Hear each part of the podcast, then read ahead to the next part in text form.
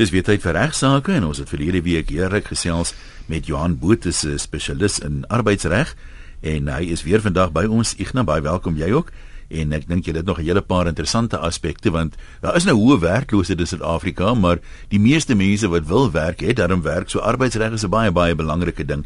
En veral deesdae dink ek is dit 'n regte spesialistveld. Absoluut so. Johan het verlede week vir ons bewys Ian en goeiemôre luisteraars dat hy 'n ware spesialis op hierdie gebied is en ek is baie dankbaar dat hy sy spesialiteit weer met ons gaan deel vandag. Ons het laas week gehoor dat jy lid is van 'n internasionale regsfirma naamlik Baker McKenzie met 47 takke wêreldwyd en en jy het vir ons vertel hoeveel derduisende mense daar werksaam is. Uh, en ons weet jy spesialiseer in arbeidsreg en adviseer plaaslike internasionale maatskappye, maar ek sou belangstel om te weet hoe lyk 'n arbeidsreg prokureur? 'n normale dag. Wat doen jy elke dag? Want dit is altyd vir my as 'n prokureur wat litigasie doen, weet ek presies wat ander prokureurs doen of wat uh, boedels doen of wat wat ek nog wil doen, maar 'n arbeidsreg prokureur wonder ek altyd wat doen hy van dit uit die oggend opstaan tot in die aand gaan slaap. Ek wil net sê as jy wil, jy kan jou spuigreg uitoefen. Ja, ja. voor my bemarkingskomitee my van die verspreidingslys het al as, as net 'n regstelling kan maak dis dis 77 takke in 47 lande. Maar ja. uh, dat is nou nie kibbel oor weet ja. 20 of 30 takke die kant toe of daai kant toe nie, nê. Uh so wat wat my posisie as 'n arbeidsregprokureur interessant maak en dis seker deel van my van my passie vir arbeidsreg nê. Is daar's letterlik jy hoor dit gereeld mense sê maar in my geval is dit regtig so. Daar's geen twee dae wat dieselfde is nie arbeidsreg deel jy met mense en met mense se probleme. Ons tree nou op as 'n as 'n groot internasionale firma, tree ons op vir werkgewers. Net so ons help werkgewers om probleme wat lê in die werksplek met werknemers op te los. Maar dit is 'n is 'n erg menslike ding waarmee jy doen. Jy weet die advies wat jy gee gaan 'n ander persoon aanraak op 'n manier op 'n op 'n ander. My daaglikse dag, ehm um, omdat ons 'n internasionale firma is, deel ons baie met internasionale werk so ek sal kollegas uit ander plekke in die wêreld uitkry wat my bel en sê. Ek het 'n kliënt wat ook 'n 'n tak in Suid-Afrika het. Kan jy hulle help met herstrukturering? Kan jy hulle help daar's 'n dissiplinêre issue. Daar's 'n kwessie van seksuele teistering gewees byvoorbeeld. Ehm um, en dan natuurlik ons plaaslike kliënte ook. Uh so ek konsulteer met kliënte. Ons tree op in die arbeidshof. Ons het vermoere aangeleende wat in die arbeidshof aangehoor gaan word. Uh ons tree op by die KVBA die CCMA ehm um, namens werkgewers So ons hanteer alles van indiensnemingspraktyke tot uh, onbillike arbeidspraktyke binne die werksplek, diskriminasie, uh, herstrukturering, die oordrag van besighede en die impak daarvan op werknemers is 'n ongelooflike komplekse gedeelte van arbeidsreg en ons spesialiseer in in daai tipe van aspekte. En hoeveel dae 'n week oefen jy dan vir die Comrades? Want ek sien jy gaan die Comrades hardloop die 29ste Mei. Nie, nie soveel as wat ek vir al my uh, al my, al my kollegas ver, ja, vertel wat saam my moet hardloop en met my uh, probeer eerlik hou oor my oor my oefenprogram nie. Ek net maar jy vergeet daai groot geboue waar hy werk het lang gange. ja, ja, dis ook weer waar. Ja, ja wat wil sê jumping to conclusions weet is nie dieselfde as uh, um, as oefen uh, vir die Comrades nie. Johan ons het verlede week se program afgesluit net bietjie te kyk na die baie interessante studie wat jy vir ons van vertel het uh, die by die Cornell Universiteit van uh, die Dunning-Kruger effek en dan veral oor swak presteerders, onderpresteerders wat net nie die vermoë het om behoorlik te presteer maar dan aangestel word en maar dan op 'n stadium ongelukkig ontslaa moet word nie. Maar het jy enige advies vir werkgewers om hierdie soort van situasie aan te spreek wat te probeer vermy? Kan kan ek net gou 'n bietjie van 'n weier vraag vra daai ek dink iets wat baie werkgewers wil interesseer. Mense kan nou vra vir CV's, jy kan onderhoude voer met kandidaate, maar dis nie altyd 'n akkurate aanduiding nie. Jy min of meer 'n gevoel uh hierdie onderpresteerdes wat ek nou van praat. Hoe is dit die uitsondering of gebeur dit redelik algemeen dat jy al daai stappe volg, iemand aanstel en dan tot jou skok agterkom dat die ou kan nie doen wat jy waarvoor jy hom aangestel het nie of is dit maar die uitsondering? Dit is 'n is 'n baie goeie vraag en ek dink my ondervinding wat ek het met ehm um, met kliënte wat meer suksesvol is wat hulle werwingspraktyke aanbetref is dat die kliënte wat 'n langer en 'n meer indringende werwingsproses het het minder probleme in die werksplek wat swak werksprestasie aanbetref. En dis seker die beste advies wat ek vir mense buite kan gee. As jy 'n besigheid het, of jy nou 'n klein besigheidjie het of jy nou 'n groot besigheid het, om probleme wat ons verlede week bespreek het rondom swak werkprestasie indringend te adresseer. Die beste ding wat jy kan doen is om seker te maak dat jy nie die swak werkspresteerders in die eerste plek in jou werksplek hmm. inkry nie. Kan goed soos die gemeetiese toets sê help daarop. Abs absoluut. En, en weer eens die werkingsproses is is nie 'n wetenskap soos wat ek en jy dit sal verstaan nie, nê. Maar daar's sekerlik stappe wat jy kan neem om jou risiko te verminder. So mense wat net steun op 'n op 'n 10 of 20 minute onderhoud ek dink hulle hulle mis die boot. Hulle ja. um, en stel hulle self bloot aan risiko daar. Weet enigiemand van ons kan 'n goeie voetjie voorsit, jy weet, as jy op daai eerste date gaan, nê. Vir 'n rukkie, maar jy kan dit nie te lank volhou nie. Ja. Korrek, en is en is baie moeilik om iemand te pyl. Kom jou ware intensies na vore. Korrek, jy weet. En mense sal mense wat gereeld onderhoude doen, sal vir jou sê, luister, hulle kan binne die eerste 10 of 15 ja, sekondes ja. kan hulle al kan hulle al besin of hierdie persoon reg gaan wees of nie. Maar baie baie keer is dit nie so maklik soos dit nie. Daar's mense al buite wat regtig baie goed is om stories te vertel en wat vir jou om die bos kan lei. Jy weet of hulle hulle kom net oor dat hulle regtig die die vertroue het om die werk te kan doen. Maar of hulle die vaardighede het om die werk ja. te kan doen is 'n heeltemal ander storie. So mens moet mens moet navorsing doen, jy moet uh, teruggaan in na vorige werk uh, gewers toe gaan en sê, hoe was hierdie persoon in die werksplek gewees? Sal jy hom weer aanstel? En jy doen dit nie met een of twee mense nie, jy moet dit met 'n reeks van mense doen. En laat hulle toetse doen. Laat hulle kom sit en skryf en sê vir my in ons werksplek Ignos wat hmm. ag Ignas sou ons vir ou sê, so trek gou vir my 'n vinnige opinie op of sê vir my 'n stuk optrek. Nie om te kyk of die persoon die tegniese vaardighede besit nie, maar net of die denk proses strook met dit wat jy ja. um, wil hê vir die posisie. 'n Goeie voorbeeld Johan wat jy miskien vir ons luisteraars moet sê. Nou kom die ou by my en sê hy het 'n doktorsgraad en ek is so my skik. Ek spog vanaand by die braaivleisvuur by my vriende dat ek 'n dokter aangestel wat hierdie fantastiese kwalifikasie net om volgende week tot my skande agter te kom dat hy eintlik nie die werk kan doen nie dat of dan begin ek vermoed hy het nie 'n doktorsgraad nie. Dit is nou baie maklik om te sê volg sy kwalifikasie na, maar dis 'n hengse taak. Of om te sê ek hoor hy het byvoorbeeld vorige veroordelings vind ek eers later uit of hy's hy's gefire hy's moet slaan by 'n vorige werk omdat hy daar diefstal gepleeg het en 'n skulp bevind. Is dit maklik byvoorbeeld om 'n uh, polisie rekord na te gaan? Is dit maklik om kwalifikasies te ondersoek? Dit voor jy antwoord. Ek nou iets ek het ek het uh, toevallig met 'n geval te doen gehad onlangs. 'n Mens moet ook maar mooi gaan kyk waaroor gaan die teses want die spesifieke persoon het 'n doktorsgraad in kommunikasiekunde. Nou dit klink nou wonderlik as jy 'n groot maatskappy het, maar dit blyk toe dat haar teses het gegaan oor Sotho danse as kommunikasievorm, hoe hulle emosie wys met verskillende oh, ja, ja, danse. Ja, ja, ja. Wat uh, baie interessant is uit 'n kultuurhistoriese oogpunt uit, maar nie vandag vir 'n groot bankgroep baie gaan help nie. En dit en dit is sekerlik baie geldig daar. So ek dink as 'n beginsel moet mens ordentlik besin as 'n werkgewer van wat het ek nodig vir hierdie pos? Watse vaardighede, watse watse vereistes is daar vir hierdie pos? En dan seker te maak dat soos mens deur die werwingsproses gaan, mens die die vaardighede wat die persoon na die tafel toe bring, kan opmatch met dit wat jy regtig nodig het vir die pos en dat jy jouself nie blind staar aan 'n wonderlike akademiese kwalifikasie nie. Ek ek het niks teen akademiese kwalifikasie nie. Ek dink dit is wonderlik dat mense hulself verder kwalifiseer. Ehm um, maar mens moet sekerlik uh, tog uh, eerstens kan besin gaan hierdie persoon die werk kan doen. Wat die kwalifikasies aanbetref, ehm um, en ek gaan daar vra jy 'n geldige vraag. Ons het hierdie situasie nou al gesien uitspeel in 'n paar groot maatskappye, hmm. uh, insluitende hierdie bedryf. Hier hier hier waar ons nou sit en praat het dit gebeur. On, on, inderdaad. Ja, maar die universiteit het verlore man se goeters man. Nee, maar hierdie hierdie goed hierdie goed gebeur. Weet mense kan nou nie uh, ouens verkwalik dat hulle nie ordentlike rekords hou nie, nê. Ja. Maar my advies weer eens aan werkgewers is sit bes, bes, um, bes, uh, bestee tyd en geld reg aan die begin van hierdie proses nê. Daar's diensverskaffers daar buite wat vir jou die die ehm um, rekord check sal doen. Gaan na daai ouens en sê vir hulle hierdie is die persoon wat ek wil aanstel. Kyk vir my of sy kwalifikasies wel bestaan. Doen vir my na ehm um, navraag by vorige werkgewers om te om te hoor of daar enigiets is wat uit die wat uit die uit die kas uit gaan spring. Weet as ek nou die ou klaar aangestel het. En dan op 'n baie 'n praktiese vlak nie, sal ek vir daai persoon vra gedurende die onderhoude. Is daar enigiets anders waarvan ek moet weet? Wat jou vorige diens aanbetref, wat jy my moet sê, wat 'n invloed kan hê op hierdie besluitnemingsproses en ek sal so 'n vraag inbou in my aansoekvorms ook, wat dan 'n verpligting op die aansoeker plaas. Mm -hmm om 'n uh, 'n uh, disclosure te maak. Dit is 'n praktiese raad. Ja, want mm. as hy dan lieg is dit ontslag maklik. Korrek, en dit is die gevalle wat ons in die in die arbeidshof sien, jy weet. Die arbeidshof sê daar's nie 'n algemene verpligting op 'n aansoek uh, aansoeker vir 'n pos om nou mea culpa te doen, weet, hand in die bors te slaan en sê dit is alles wat ek in my lewe verkeerd gedoen het tot nou toe nie, weet dit gaan die aan die proses baie lank maak in sekere mense se gevalle nê. Maar as ek nie ou misstappies vir jare ook hou nê. Korrek, maar as ek wel vir jou 'n vraag vra en jy's oneerlik met my of jy jok vir my of jy probeer my om die bos lei. Dis 'n ander storie en dan wat die arme werkgewer wat nou die persoon aangestel het, die reg sal gee om daardie persoon af te dank en sê mm. luister, gedurende die onderhoud het ek vir jou gevra, is daar enigiets anders waarvan ek moet weet? Is daar is daar ander redes hoekom jy weg is by die vorige werksplekke? Jy sê vir my jy wou ander uh, um geleenthede gaan explore het. Mm. Is daar enigiets anders waarvan ek moet weet wat 'n impak kan hê op hierdie besluit? En jy het toe nie vir my gesê van hierdie ondersoek wat hulle teen jou gehad het en die klagtes van bedrog wat hulle teen jou gesit het of die seksuele teistering klagtes wat daar gebring is teen jou nie. En as jy dit vir my gesê het op daardie stadium sou ek jou nooit aangestel het nie. So jy was oneerlik my geweest. Dit gee my die reg om dissiplinêr teen jou op te tree en selfs jou dienste beëindig onder die regte omstandighede. Johan, misdaad geskiedenis is maklik om na te spoor.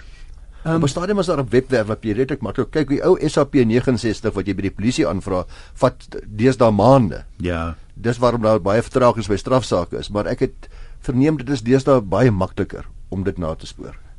Ek het nog nooit self hoef te gedoen het nie, maar ja. ek weet ons maak gebruik van diensverskaffers wat ja. vir ons hierdie tipe van goed doen en my, my die sekerlik as ek kyk nou hoe vinnig die die ja. terugvoer is wat ons terugkry van het, het dit nie vir my die indruk geskep dat dit verskriklik moeilik is om dit te doen. Dit is blykbaar redelik maklik deesdae om deur middel van die, die netwerke dit te kry.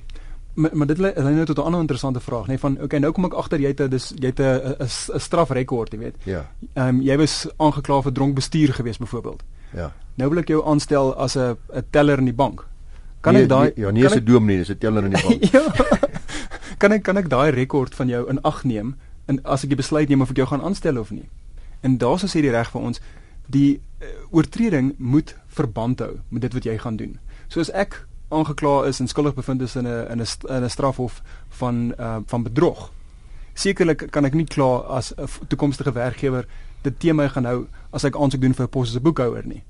Ja. Maar as ek 'n uh, dronkbestuur 'n uh, um, klag teen my gehad het en ek het skuldig gepleit daarvoor, wat se impak het dit op my uh, pos as 'n ontvangspersoon of 'n ja. of 'n teller in 'n bank? Sekerlik daar moet 'n verband wees tussen die twee en dan kan mens wettiglik sê en, en geldiglik sê ek gaan jou nie aanstel nie want dit wat jy gedoen het gee vir my die indruk dat jy nie hierdie werk ordentlik sal kan doen nie. Goed, wat ook baie interessant is uh een luisteraars as mense nou dink sê die, die voorbeeld wat hy genoem het, ek wil nou iemand aanstel wat 3 keer aan dronkbestuur skuldig bevind is in 1990 en 1993 en 1995. Nou is dit 20 jaar later of 21 jaar later en ek wil hom aanstel as 'n vragmotorbestuurder. Die vraag is onthou nou want in die strafreg word daai na die 10 jaar nadat jy skuldige bevinding jou gegee is, verval dit. Dan kan dit nie nie in aanmerking geneem word vir doeleindes van versagtende omstandighede of verswarende omstandighede nie. Aan die ander wyse dit is asof jy nie meer 'n veroordeling het nie. Hy staan nie meer teen jou. Kan nie meer teen jou gebruik word nie. Die vraag is dit ook nog teen jou gebruik kan word in 'n arbeidsregsituasie. Dit is 'n baie, baie interessante vraag. Op daai feite stel ek, maar dink ek sal dit moeilik wees vir 'n werkgewer om te kan sê nie teenstaan nie feit dit nou 20 jaar later is. Ja. Ek gaan nog steeds daai oortreding teen jou hou tensy daar enigiets is wat intussen weer gebeur het. En en hierso moet mens maar weet in die in die uh, afwesigheid van ordentlike gesag van die arbeidshof op so 'n feite stel. Ja. Moet mens dink maar maar wat maak logies sin hierso? Net as 'n ou vir 20 jaar lank nie weer so 'n oortreding begaan het nie. Is dit billik dat ons nog steeds daai oortreding teen hom hou? Ja. Maar maar dit is nou op daai feite stel. Ek, as as mens nou so bedrog kyk of iets byvoorbeeld nê. Is dit dan dink ek gaan ek moeilik wees. Ek gaan moeilike ou aanstel as my hoof finansiële beampte nê. As hy 20 jaar gelede aangekla is en skuldig bevind is van van chequebedrog byvoorbeeld. Net ek dink ek gaan nog steeds 'n probleem hê met daai ou.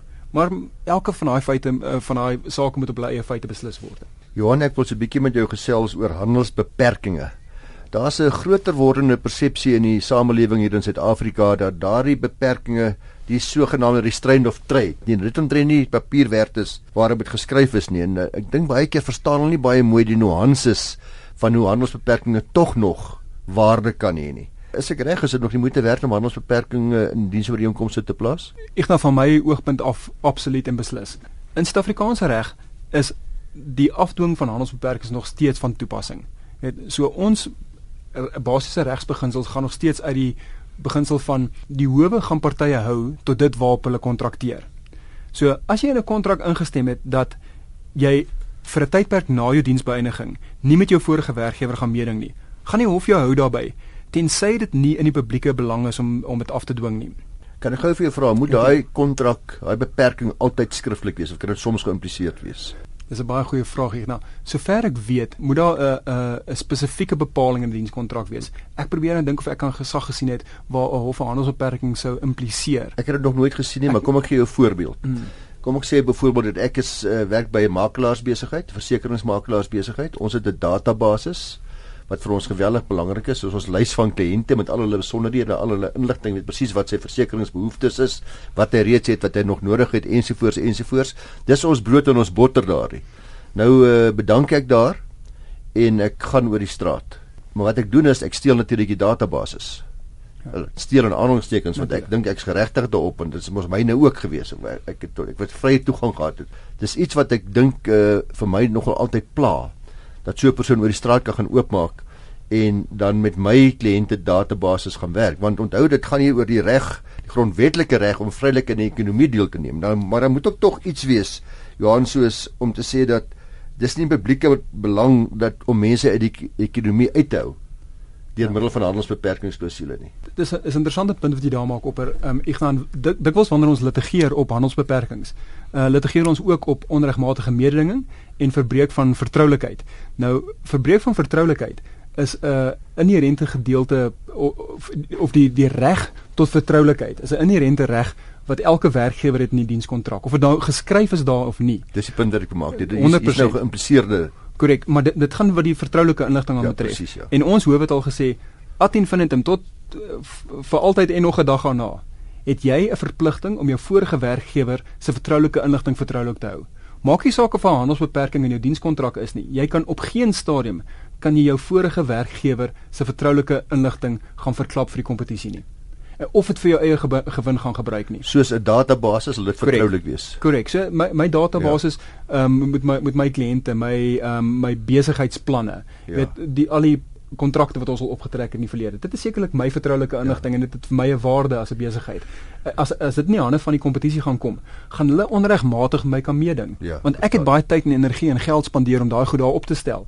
En as jy nou as jy dit nou in die hande kan kry, gaan jy onregmatig met my kan meeding. En dit is 'n aparte uh, skuldoorsaak wat 'n werkgewer het waar 'n werknemer sou 'n uh, vertroulike inligting vat en na die kompetisie toe gaan want dan begin jy onregmatig meeding wat 'n deliktuele uh, skuldoorsaak is en dan jy die kontraktuele eis wat uh, die die ver, verbreek van vertroulikheid is. En dan bo op dit as daar 'n handelsbeperking in die dienskontrak is, kan jy dit dan ook gaan afdwing. Kom ons vat byvoorbeeld 'n praktiese voorbeeld dan noem ek nou wat ek wat ek nogal dink baie ja. voorkom. Gestel nou iemand is 'n makelaar by 'n bank, hierdie finansiële adviseurs wat hulle by die takke het. Hmm. Baie van nou, jy staan nou klomp kommissie af, sê net maar 50%.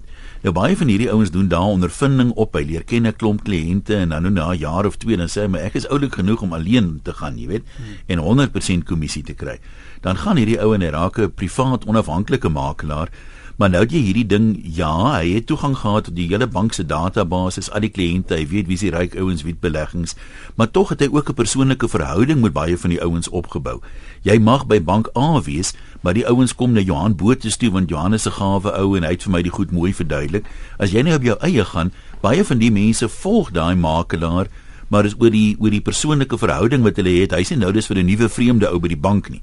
Hy wil met hierdie ou praat want hy die ou is amper soos 'n huisvriend al.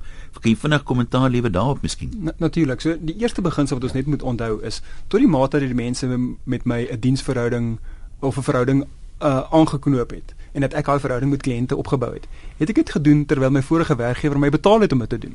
So ek doen dit nie uit die goedheid van my hart uit dat ek nou hierdie wonderlike verhoudings begin skep het nie. Dit is my werk gewees en ek was betaal gewees om dit te doen. Ek dink daar skei die paai dan van of daar wel 'n handelsbeperking in die kontrak is of van nie een is nie. As daar 'n handelsbeperking in die kontrak is, kan my vorige werkgewer vir my sê, jy het al hierdie kliënte opgebou terwyl jy by my gewerk het, ek het jou betaal daarvoor, is deel van jou werk gewees. Jy mag nie aan enige van hulle raak nie en jy mag nie enige van hulle raak vir 'n tydperk nie. En dit is die billike afdwing van 'n handelsbeperking. As daar nie 'n handelsbeperking in my kontrak is nie, wat die werkgewer my dan kan verhoed om te doen is om sy vertroulike inligting ja, te gebruik verstaan. om teen hom te kompeteer. Maar hy hmm. kan my nie verhoed om met daai kliënte te gesels en vir die kliënte te sê luister maar ek is nou ek is nou by 'n ander plek wil nog my kom werk nie. Maar waar ek daai eh, 'n uh, handelsbeperking my kontrak het, kan die werkgewer vir my sê vir die tydperk en binne hierdie area mag jy nie die volgende doen nie, jy mag nie met hierdie mense gesels nie. En ons howe is bereid om daai kontrakte af te dwing. Net wat termyn betref, is daar soort van 'n gemiddelde termyn vir handelsbeperkings, dit 6 maande, 12 maande of wat sou 'n maksimum wees? Is 2 jaar byvoorbeeld al redelik lank of kyk 'n mens maar na van geval na geval? En ook wat gebied betref, gee vir ons 'n voorbeeld. Ja. In ander woorde, kyk, ek het nou, ek het 'n winkel, 'n kafeetjie in in in Rustenburg of 'n of 'n prokureurskantoor kan ek vir my werknemers of my assistente professionele personeel sê hulle mag nie in die hele Suid-Afrika weer praktiseer nie. Baie goeie vraag en die rede hoekom daai vraag relevant is want dit is die vraag wat die howe gaan vra wanneer hulle kyk na die afdwing van die ooreenkoms. So as ons teruggaan na die basiese beginsels toe, handelsbeperkings is afdwingbaar tensy dit teen die publieke belang is om dit af te dwing. En dit word teen die publieke belang om dit af te dring as die handelsbeperking weier is as wat nodig is om die beskermbare belang te beskerm. So daar kyk die hof na tydperk Ehm um, as 'n kliënt my sou vra en hulle sê hulle wil 'n nuwe handelsbeperking uh, beding, wat sou ek aanbeveel as 'n goeie tydperk? Ek sou sê vir so lank as wat jy dit nodig het om daai belang te beskerm. Want al wat 'n handelsbeperking doen, hy laat die ander persoon uitsit buite die mark vir jy gaan nie vir altyd die persoon kan ver, ver, uh, verbied om teen jou te kompeteer nie, maar hoe lank het jy redelikerwyds nodig voor daai inligting oud word en die kliënte uh, weer kan vestig? Ek sou sê 6 na 12 maande is tydperke waarmee ek baie gemaklik is om hof toe te gaan vir hof te probeer oortuig en sê is 'n redelike tydperk. En oor die algemeen, hoe korter die tydperk, hoe makliker is om die hof te oortuig. 2 jaar sou ek sê is aan die uiterkant. Ehm um, die howe is al ehm um, genoeg gewees in die verlede om 2 uh, jaar handelsbeperking af te dwing, maar dan raak dit aan die lang kant. Wat gebied aanbetref, ek kan jou nie ver, uh, verhoed om my te gaan kompeteer in 'n gebied waar ek nie self besigheid doen nie. So as ek my kantoor net in Rustenburg is, ek het geen besigheid of geen kliënte in Johannesburg en Pretoria nie. Is daar nie 'n beskermbare belang wat ek het wat Johannesburg en Pretoria aanbetref nie. Dis 'n ander ding as my hoofkantoor in Johannesburg is, maar my kliënte is reg oor die land. Dan kan ek sê oral waar my kliënte is, weet, kan ek met jou kompeteer. Maar dan is dit 'n feite vraag. Het jy 'n kliënt wat in Appington sit en wat jy bereid is om te erken dat jy in Appington sit? Weet, ja. of ehm um, wil jy nou, nou net onnodiglik uh, verbied om met jou te gaan kompeteer? as hy in Appington 'n tak gaan oopmaak. Ja. Dankie. Johan, ek wil so 'n bietjie gesels in die algemeen. Ons het ongelukkig nie baie tyd as ek reg is nie. Ja, nee. Uh, ja, ons het nog so 5, 6 minute. Goed, dan wil ek bietjie gesels oor seksuele teistering. Hmm. Die gevare wat daaraan verbonde is. Daar was 'n tyd uh, toe ek 'n jong prokureur was dat uh, daar baie ou grappies gemaak was en 'n klap hier op die bout en daai soort van dinge. Niemand het regtig, dit was alles in goeie gees en maar deesdae is dit ongelooflik gevaarlik. En ek het nou onlangs 'n 'n hofsaak uh, raak gelees Campbell versus Simmers. Die vraag hier was of die ongevraagde gedrag van meneer Simmers van 'n nie fisieke aard was. Net ge, net gepraat tydens 'n besigheidsuitstappie of dit sou ontslag regverdig het. Wat nie gebeur het net luister, was baie vinnig is. Hy was besigheid in Botswana saam met 'n kollega, 'n dames kollega van 'n ander besigheid wat saam 'n konsortium met hulle gevorm het. Is is is in die saak van Campbell Scientific Africa en Simmers klaar het getuig wie klaaster dat hulle 3 aande saam aandete het hulle saam aandete gehad het. Uh Sibbers het daar gevra of sy kerel het uh, uit haar houding na sy kamer toe genooi. Uh sy het die uitnodiging van die hand gewys. Hy het gesê daarna getuig dat sy baie ongemaklik gevoel het en baie uh, te nagekom gevoel het. Sy was beledig gevoel deur die feit dat hy haar nooi na sy slaapkamer toe en sy het geweier om verder saam met hom te werk. En sy weergawe natuurlik was doeteenvoudig dat dit was 'n gesprek tussen twee deelnemende volwassenes, volwasse mense wat lekker geëet het en 'n paar drankies gedrink het. Die uitnodiging was half as 'n grap bedoel en daar is toe ondersoek gedoen en Simmers is ontslaan. En die saak is nou die appelhof toe. Wat het die arbeidsappelhof oor so iets gesê? Ja, as as ek net 'n stapie terug kan neem, Ignas, seksuele teistering ehm um, is 'n vorm van diskriminasie in terme van ons wet op uh, gelyke indiensneming, die Employment Equity Act, nee is alle vorme van diskriminasie word verbied in die werksplek. En werkgewers moet positiewe stappe neem om diskriminasie te te verbied eh, en te verhoed in die werksplek. In my persoonlike opinie, ehm um, weet alle forme van diskriminasie ons moet dit uitroei eh, met wortel en tak in die werksplek. Maar wat seksuele teistering en rasisme aanbetref, is dit seker twee van die grootste ewels wat ons in die moderne werksplek ehm um, mee te doen staan. En ek dink werkgewers moet baie versigtig wees wanneer dit kom by die hantering van klagtes rondom of dit nou rasisme of seksuele teistering is. Seksuele teistering is 'n is 'n onding, dit skep 'n kultuur in 'n maatskappy wat ehm um, diskriminerend is teenoor meeste gevalle vrouens ja. en ons kan net nie as 'n moderne samelewing bly voortleef daarmee nie. Jy weet die, die norme van die soos van van ons gemeenskap verander oor die tydperk en die wet word aangepas om dit te reflekteer.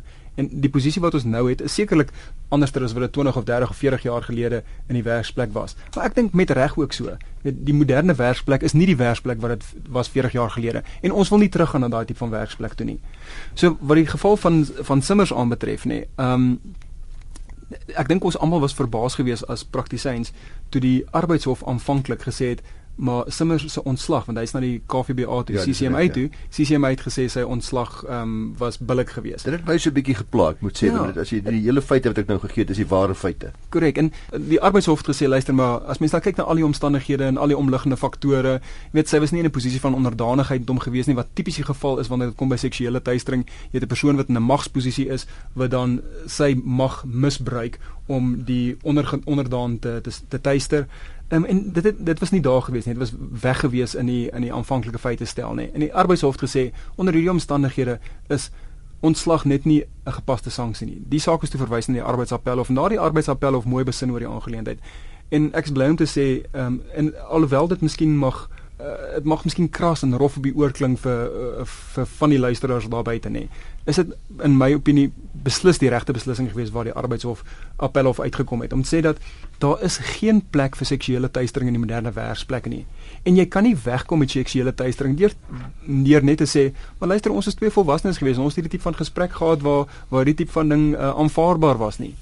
Ons kan nie sê dat daai tipe van gedrag is aanvaarbaar in die werksplek. Daar kan nie 'n situasie wees in die werksverband waar ek vir 'n kollega sê, luister maar, kom bietjie na my kamer toe en dan kyk ons wat gebeur daarso nie. Dit kan nooit aanvaarbaar wees nie. Ja, ek dink die hof kyk ook baie sterk as jy genoem het na die konstitusionele regte van van 'n persoon tot menswaardigheid en gelykheid nie en dan te sê dat die grondwet gee aan vroue die reg om binne die werksplek op 'n gelyke en konstruktiewe wyse te funksioneer sonder dat daar allerlei ou snaakse grappies of inbreuk gemaak word op hulle regte.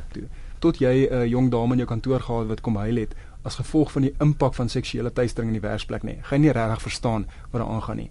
In 'n moderne werksplek is daar geen plek vir seksuele teistering nie en werknemers daar buite moet uiters versigtig wees.